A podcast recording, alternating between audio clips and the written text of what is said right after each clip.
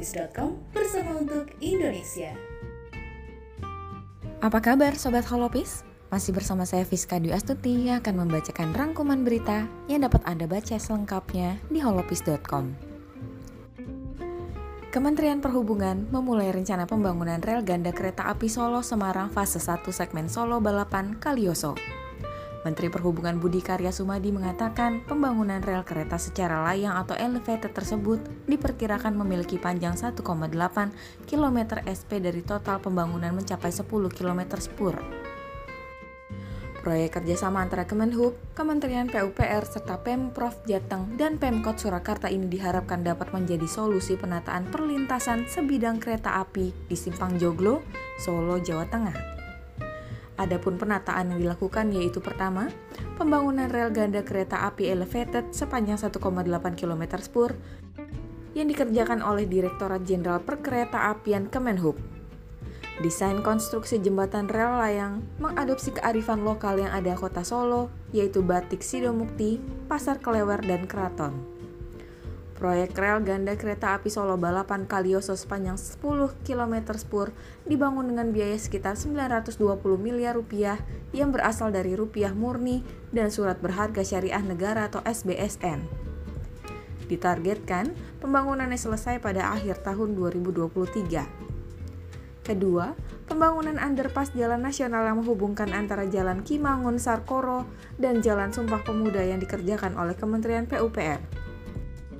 Ketiga, pembebasan lahan jalan provinsi dan kabupaten atau kota oleh Pemprov Jateng dan Pemkot Solo. Budi mengatakan jalur kereta di Simpang Joglo ini memiliki frekuensi pergerakan kereta api yang cukup padat, yaitu karena dilintasi oleh tiga jenis kereta, kereta jarak jauh, penumpang dan barang, kereta bandara Adi Sumarmo atau Bias, dan kereta komuter Solo Jogja. Adanya simpang joglo membuat headway atau waktu kedatangan kereta api menjadi lebih dari 30 menit. Dengan dibangunnya rel rayang, diharapkan headway kereta api turun signifikan menjadi kurang dari 15 menit. Budi juga merasa optimis dengan adanya kolaborasi yang baik antara pemerintah pusat dan daerah, pembangunan akan berjalan dengan baik. Sementara itu, Wali Kota Solo Gibran Raka Buming Raka mengatakan dengan dimulainya pekerjaan penataan Simpang Joglo, pihaknya telah mengantisipasi dampak lalu lintas dan dampak sosial dengan baik dengan melakukan sosialisasi dan komunikasi dengan masyarakat sekitar. Berita selanjutnya, Ketua DPR RI Puan Maharani mengingatkan pemerintah agar segera mengendalikan harga kebutuhan pokok yang melambung tinggi, khususnya minyak goreng. Menurutnya, harga kebutuhan pokok yang tinggi menambah beban rakyat di masa pandemi COVID-19. Perempuan pertama yang menjabat sebagai ketua DPR RI itu mengingatkan Presiden Joko Widodo sudah jauh-jauh hari meminta jajarannya untuk mengendalikan harga kebutuhan pokok. Puan pun menyoroti harga-harga sembako yang masih mahal meski sudah memasuki pekan kedua awal tahun. Khusus untuk minyak goreng, Puan meminta pemerintah untuk menyalurkan minyak goreng murah bersubsidi secara merata. Hal tersebut karena sampai saat ini harga minyak goreng di pasaran masih berkisar Rp20.000 per liternya. Pedagang di pasar-pasar tradisional menyebut masih menjual minyak dengan harga tinggi lantaran masih mendapat harga mahal dari agen. Oleh karena itu, Puan meminta pemerintah melakukan pengawasan ketat. Puan juga mengingatkan pemerintah untuk menyiapkan petunjuk teknis untuk pemerintah daerah mengenai penyaluran subsidi minyak goreng murah. Dengan begitu, Pemda dapat bergerak cepat menerapkan program minyak goreng subsidi di wilayahnya. Seperti diketahui, produsen minyak goreng menaikkan harga karena tingginya minyak sawit di pasar global. Lonjakan harga minyak goreng sendiri sudah berlangsung cukup lama. Mantan Menko PMK ini menilai persoalan harga minyak goreng yang mahal menjadi ironi Hal ini karena kata Puan, mengingat Indonesia merupakan salah satu negara penghasil minyak sawit terbesar di dunia. Puan pun menyoroti bagaimana negara tetangga yakni Malaysia dapat memberikan subsidi minyak goreng untuk warganya dengan cukup baik. Pemerintah negara jiran itu diketahui menetapkan harga minyak goreng bersubsidi senilai 2,5 Rm atau sekitar Rp8.500 per kilogramnya untuk kemasan sederhana. Lebih lanjut, cucu proklamator RI Bung Karno tersebut mendukung langkah anak usaha holding perkebunan PT Industri Nabati Lestari atau INL yang tengah mengembangkan produksi turunan minyak sawit. INL sendiri mengeluarkan brand minyak goreng ekonomi seharga Rp14.000 per liter, sesuai dengan harga acuan yang ditetapkan pemerintah.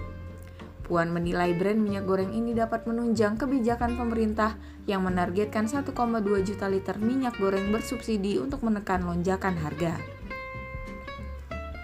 Berita selanjutnya,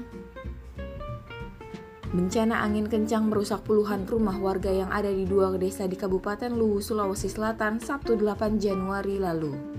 PLT Kepala Pusat Data Informasi dan Komunikasi Kebencanaan BNPB Abdul Muhari mengatakan peristiwa yang tergolong dalam bencana hidrometeorologi ini membuat warga terpaksa sementara harus mengungsi ke tempat yang lebih aman. Beruntung dalam kejadian tersebut, kemudian tidak menyebabkan korban luka maupun korban meninggal dunia. Namun sebanyak 120 jiwa mengungsi ke tempat kerabat. Abdul juga mengatakan kejadian serupa juga terjadi di Kabupaten Purwakarta, Provinsi Jawa Barat, Jumat 7 Januari. Kejadian tersebut berdampak pada sejumlah rumah yang tersebar di beberapa desa di empat kecamatan. Rumah yang mengalami rusak berat 3 unit dan rumah rusak ringan 25 unit, sedangkan masjid rusak ringan 1 unit. Angin kencang juga menyebabkan pohon tumbang yang menimpa jaringan listrik hingga mengganggu akses di jalan industri Maracang. Wilayah terdampak yaitu Desa Babakan Cikau, Kecamatan Babakan Cikau, Kelurahan Cisereh, dan Munjul Jaya Purwakarta, Desa Ciwangi, Bungursari, serta Desa Kertajaya, Sawah Kulon, dan Cidahu atau Pasawahan. Berita selanjutnya, pemerintah kembali membuka seleksi calon aparatur sipil negara atau CASN untuk perekrutan calon pegawai negeri sipil atau CPNS beserta pegawai pemerintah dengan perjanjian kerja atau P3K pada 2022. PLT Kepala Biro Hukum Komunikasi dan Informasi Publik Kementerian PAN-RB Muhammad Aferoce mengatakan bahwa seleksi CASN 2022 akan segera diinformasikan setelah proses pengadaan CPNS 2021 maupun P3K telah selesai dilaksanakan. Sebelumnya, Menteri PAN RB Cahyo Kumolo sempat membuka asak jika pendaftaran CPNS 2022 akan tetap dibuka. Tapi itu disesuaikan dengan kebutuhan yang bakal lebih banyak untuk P3K. Tapi kepastian itu semua masih menunggu proses seleksi CASN 2021 yang hampir tuntas. Sejauh ini, Cahyo mengatakan pelaksanaan seleksi CASN tahun 2021 secara umum berlangsung dengan tertib dan lancar. Demikian rangkuman berita untuk hari ini. Saya Fiska Dwi Astuti melaporkan untuk holopis.com bersama untuk Indonesia. holopis.com bersama untuk Indonesia. Halo Sobat Lopis, apa kabarnya? Kita kembali lagi dengan saya Ibnu yang akan membacakan beberapa berita pilihan dari situs solopis.com Berita pertama Sobat Lopis dari pemberitaan Polhukam di mana ada HMI Jakarta berharap agar kasus Ferdinand Hutahayan menjadi pelajaran bagi semua pihak. Seperti yang dirilis oleh situs solopis.com Sobat Lopis di mana salah satu kader Himpunan Mahasiswa Islam Jakarta Pusat dan Utara atau HMI Pustara Ibrahim Malik Fatsi menilai bahwa sebaiknya semua pihak bisa mengambil pelajaran dari kasus yang saat ini sedang menyeret bekas politisi Partai Demokrat Ferdinand Hutahayan. Ia berharap agar proses hukum yang sedang dijalankan oleh Direktorat Tindak Pidana Cyber atau Ditipid Cyber Baris Krim Mabes Polri tersebut terhadap Ferdinand Hutahayan bisa diproses secara transparan dan akuntabel. Menurut Ibrahim, tweet Ferdinand tentang Allahmu ternyata lemah sudah masuk dalam kategori penodaan agama. Ia tak ingin melihat pengakuan Ferdinand sebagai mu'alaf karena baginya siapa pun itu tidak boleh mengujarkan kebencian apalagi merendahkan sesembahan orang lain. Meskipun ia memahami betapa kemarahannya atas cuitan dugaan penodaan agama Ferdinand Hutayan tersebut muncul dari banyak kalangan masyarakat, khususnya umat Islam, Ibrahim juga mengimbau kepada semua masyarakat agar mempercayakan proses hukum tersebut kepada lembaga penegak hukum sehingga tidak sampai ada aksi-aksi main hakim sendiri. Ia meyakini jika benar cuitan yang dilakukan oleh Ferdinand Hutayan mengandung unsur penistaan agama atau penodaan agama dan cenderung provokatif, Polri akan bertindak tegas, cepat, dan terukur sesuai dengan kaidah hukum yang berlaku. Berita selanjutnya Sobat Lopis di mana pintu kedatangan dari Turki belum ditutup. Menkumham mengklaim masih terus memantau. Menkumham Yasona Lauli mengatakan bahwa pemerintah masih perlu melakukan sejumlah penilaian sebelum menutup akses dari negara pusat penyebaran virus corona varian Omicron termasuk Turki.